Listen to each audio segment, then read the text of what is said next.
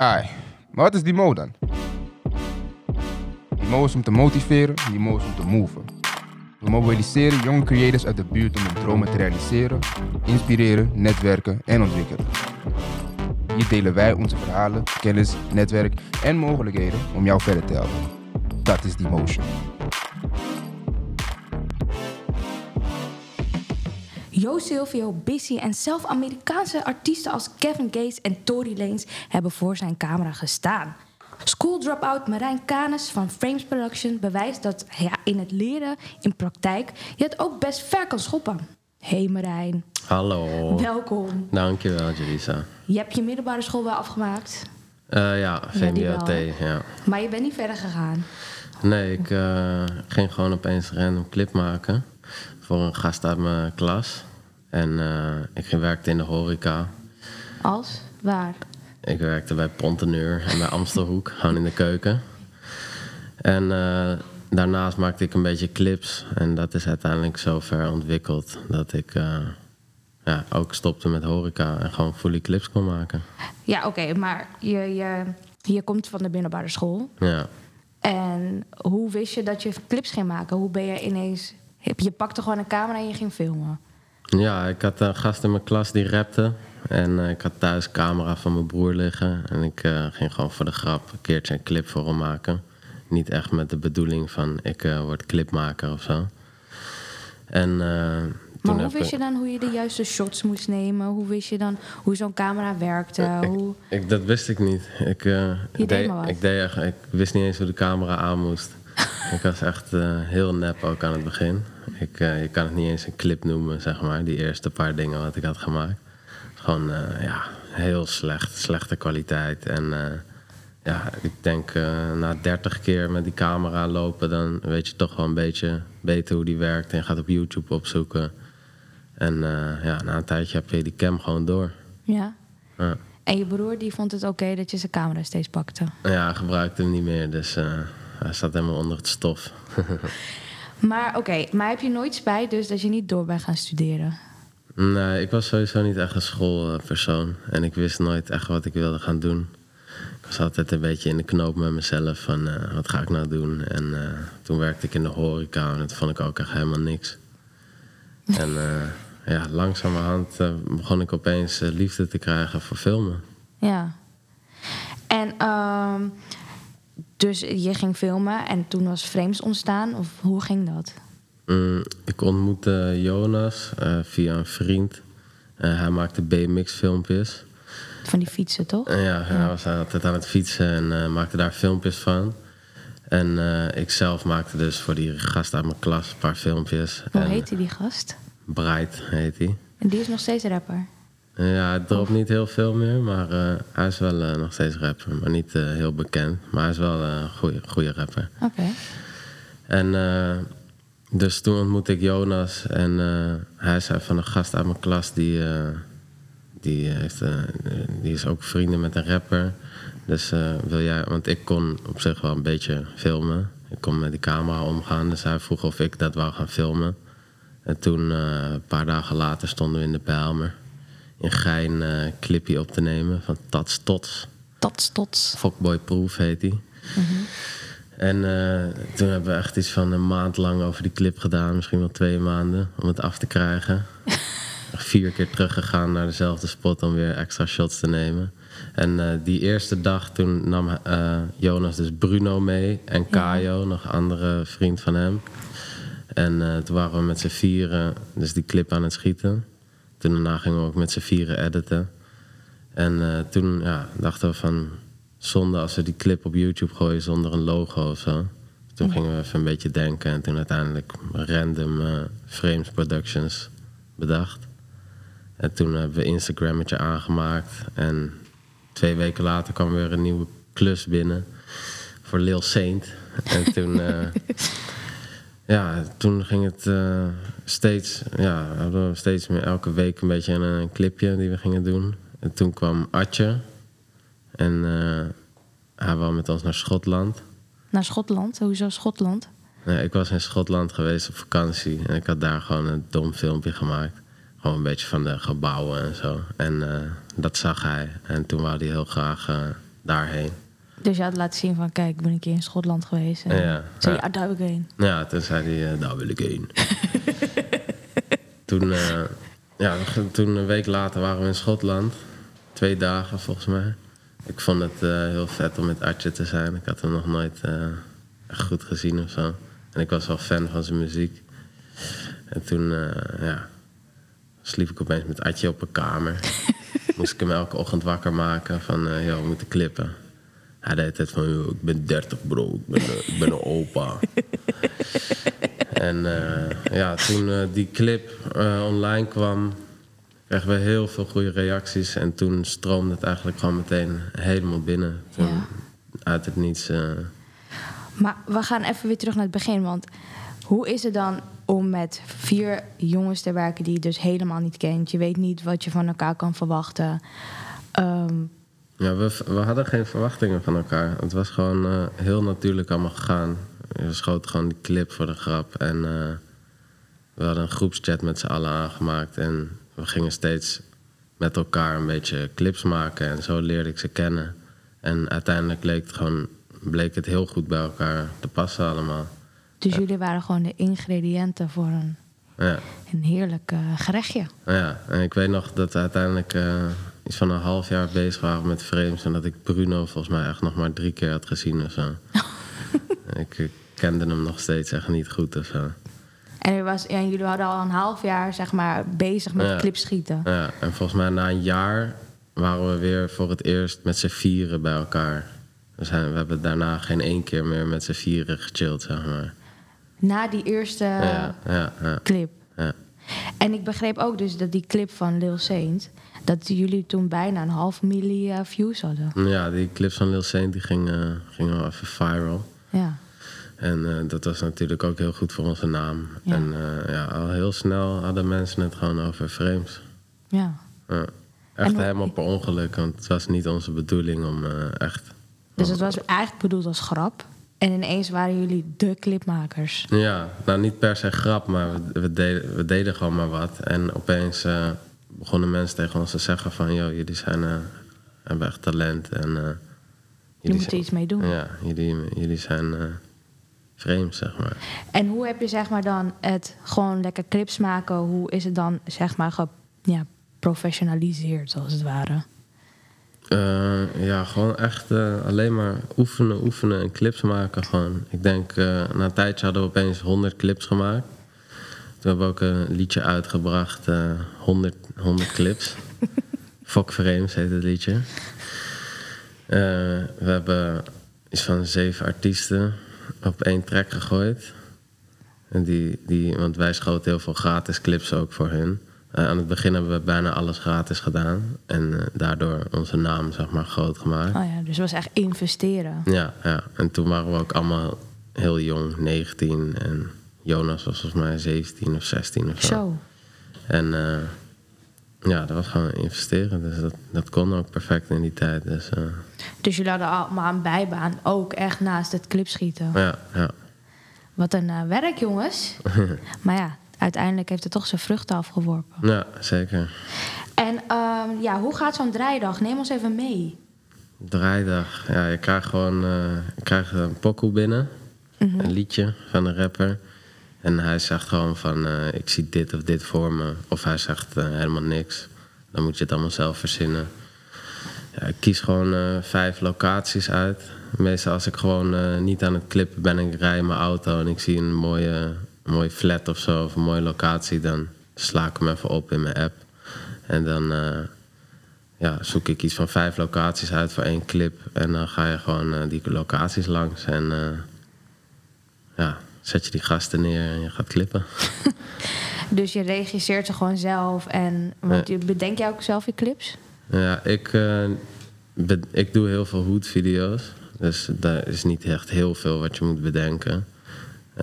Is gewoon in de hoed, een paar plekken, Ja, precies. bekende plekken ja, van die persoon zijn eigen hoed. Ja, En daar ga je dan schieten. ja. En Jonas en Bruno die, eh, zijn wel echt meer regisseur. Dus die filmen ook niet zelf. En die verzinnen echt een heel script met... eh, ja, gewoon ja, een heel plan helemaal uitgeschreven. met een verhaal in de clip en zo. En dan eh, huren ze externe cameraman in, of, of mij. En dan ja, wordt het wel een eh, ietsjes grotere clip, zeg maar. En ik ben meer van de hood-video's. Daar sta ik ook bekend om. En je bent ook heel vaak naar het buitenland geweest. Ja, ik, eh, nu wat minder door corona. Maar eh, normaal ga ik echt ja, heel vaak naar het buitenland. Elke maand. Elke maand. Ja, bijna wel elke maand, ja. In 2019 eh, ging ik volgens mij het meest. Ik ben zes keer naar L.A. geweest. Heerlijk. Jamaica, Oké. Dominicaanse Republiek. Eh, ja, waar nog meer allemaal. Suriname een paar keer. Brazilië. Eh, ja, echt ontelbare landen. En je, ehm, ik begon de intro ook met... je hebt ook Amerikaanse artiesten geklipt... zoals Kevin Gates, Tory Lanez. Ja. Hoe is dat dan? Hoe zijn jullie daar dan weer terechtgekomen? Eh Tory Lanez die stond gewoon op featuring van eh, twee tracks. Nou Ja, dat is gewoon toevallig. Eh, Kevin Gates was ook toevallig... Ja, hij had volgens mij op Instagram een post gedaan van... eh, ik ga naar Amsterdam, ik zoek een clipmaker. En via via waren we in contact gekomen met zijn manager. En eh, toen gingen wij dat clippen. Lil Pump, volgens mij hetzelfde verhaal ook. Ja.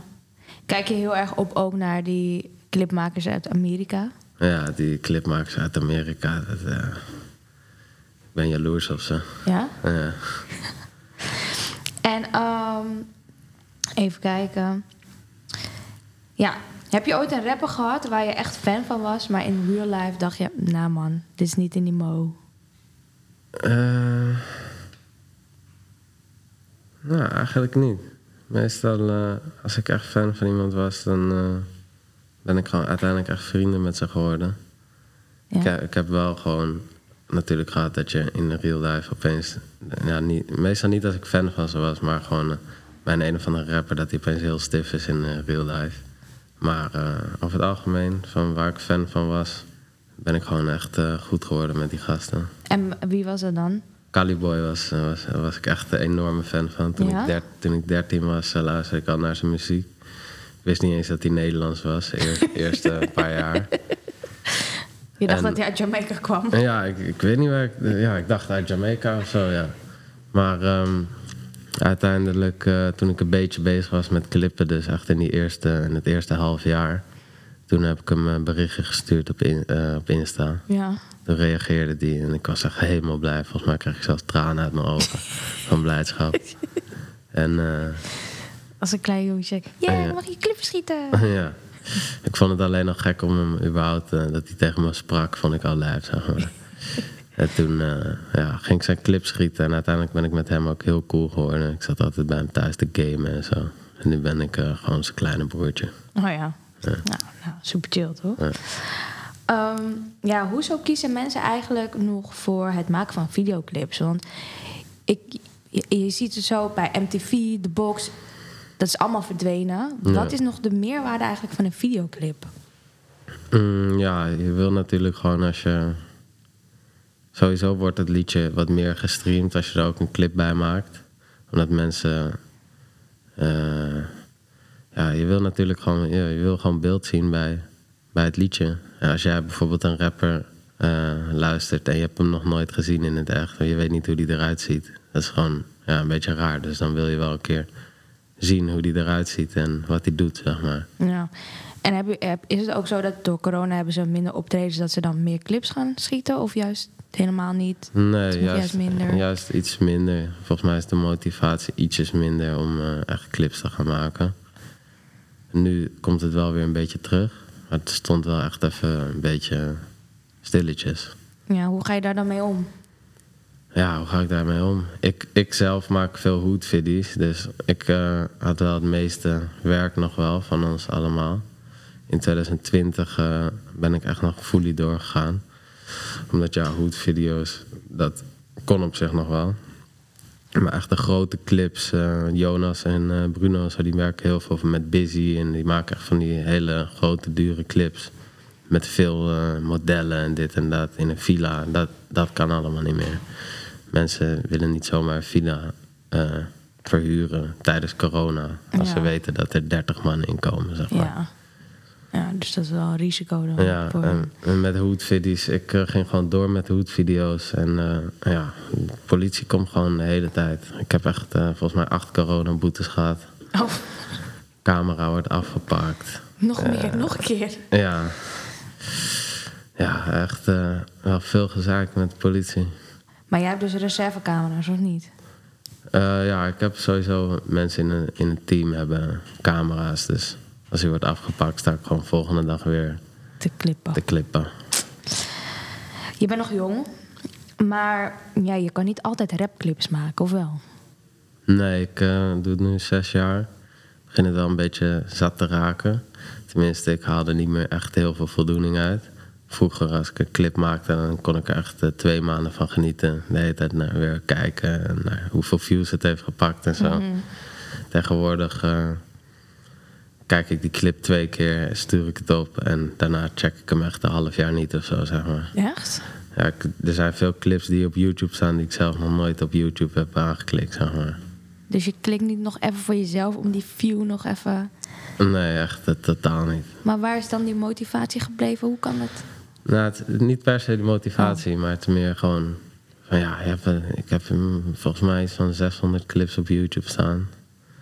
En eh, ja, na een tijdje is het gewoon een beetje... Ja, is het gewoon normaal geworden, zeg maar. Maar wat zijn dan je, je toekomstplannen? Eh, ja, ik zit nu gewoon een beetje te kijken wat ik nog meer eh, kan doen met film. Ik wil misschien docus gaan maken of shortfilms. Of ja, misschien eh, natuurdocumentaires lijkt me ook leuk. Natuurdocumentaire? Nou ja, even heel wat anders. ik hou erg van de natuur. Dus ja, wie weet. eh, Dus dan zien we Shots by Mary in de Veluwe. oh ja, zoiets. nee, maar ik zit een beetje te kijken wat, eh, wat ik allemaal kan doen nog met film. Ja. Oké. Ehm, ja, wat is dan het leukste van je werk? Wat maakt het dan voor jou? Hoe hou je het nog spannend dan? Of hoe probeer je dat te doen? Ehm, ja, je wilt toch elke keer wel eh, gewoon weer een nieuwe soort harde clip maken. Dus je, gaat, je doet je best om eh, weer een beetje elke keer iets anders te komen met de clips. En eh, ja, het leukste is gewoon als je het allemaal geshoot hebt. Het shooten is op zich ook wel leuk, maar het is ook wel zwaar, zeg maar. Om zo'n hele dag, tien uur lang te filmen en met al die gasten ja, te coachen waar ze moeten staan. Soms luisteren ze niet en zo. Maar als dat erop staat, om dan gewoon lekker eh, achter je laptop in elkaar te zetten, te editen. Als hij dan af is, dat is eigenlijk het leukste. Ja, het eindresultaat. Het eindresultaat, dat je gewoon eh, ja, dat je die clip voor je hebt en eh, het is gelukt. Ja, On to the next. on to the next. Ja. Want wat je zei, eerst waren jullie twee maanden bezig bijvoorbeeld met een clip. Ja. Dan de eerste. Maar nu hebben jullie het in één dag af. Ja, ik, ik eh, sta er ook onbekend om zo snel mogelijk te editen. Want ik heb soms... eh, er zijn wel dagen geweest dat ik eh, echt zeven dagen in de week zeven clips maakte, zeg maar. Dat is toch ziek? En dan was ik gewoon aan het shooten en daarna ging ik meteen editen. En dan was het meteen af, zeg maar. Want de volgende dag had ik weer een nieuwe. En als ik dan eh, niet meteen die edit af had... dan kon het zomaar drie weken duren voordat ik weer tijd had om te gaan editen, zeg maar. Dus het liefste maakte ik hem gewoon meteen af. Maar sliep je wel dan? Ja, die tijd sliep ik niet echt veel. Hoe hou je dat vol? Ja, ik, ik hield het ook niet vol. Nee, Nou, wat gebeurde ja, dan? Nou, ik had wel vaak dat ik, eh, als ik eh, vier maanden of vijf maanden echt keihard had gewerkt... soms sliep ik echt drie, vier uur per nacht. En dan had ik weer een clipshoot. En ja, meestal ga ik dan gewoon even op vakantie. Mhm. Even een maandje ertussenuit en daarna heb ik weer energie. Oh ja, even opladen. Ja, even opladen, ja. En eh, wat is de eerstvolgende clip die je gaat schieten? Eerst volgende... eh, Mag je dat al zeggen? Nee, ik, ik weet niet of ik dat eh, zomaar namen mag noemen. Shit, ik had het niet moeten zeggen, anders had dit gewoon genoemd, weet je wel. Nee, ehm, ik heb nu even ook, ik had even weer dat ik te veel clips had gemaakt. Vooral in 2020 heel veel gewerkt. Dus nu begin 2021 heb ik even iets rustiger aangedaan. Ook omdat ik eh, ja, even wil kijken voor mezelf wat ik nog meer kan doen. Mhm. En eh, ja, daardoor ietsjes minder aangenomen. Dus niet meer zeven dagen in de week uh, Voel je uh, fully. focus. eh, ja. Nu gewoon even ietsjes rustiger aan. Maar eh, ja, één keer in de week of zo even een clipje. Eén keer in de week. Nou, dat is wel mooi. Ja. Oké. En de eerstvolgende is? De eerstvolgende is... Nou, ik had er eentje dit weekend, maar die is, eh, die is weer verzet. Oh. Die eh één artiest was niet eh, ready. En eh, dus die is eh, een maandje verplaatst. En wanneer zien we dan je eerste natuurdocumentaire? Ja, dat, eh, dat kan nog eh, heel lang duren. hoor. Heel lang. Ja, het is een heel, is een heel andere wereld. eh, Ook andere camera's. En, dus eh, als ik echt een, echt een goede documentaire wil maken... kan het zomaar pas over vijf jaar zijn of zo. Jezus, maar hij moeten we zo lang wachten? Ja, ik moet me helemaal verdiepen dan weer in, eh, in die wereld, zeg maar. Oké, tot die tijd moeten we nog even naar je rapsclips kijken. Ja, ja. Oké. Nou, bedankt voor Geen, vandaag. geen dank. Ja, bedankt. Deze podcast is mede mogelijk gemaakt door Stadsdeel Nu-West, Melkweg, Paradiso Melkweg Productiehuis, Jalla Jalla en nu Metropolis Nieuw-West.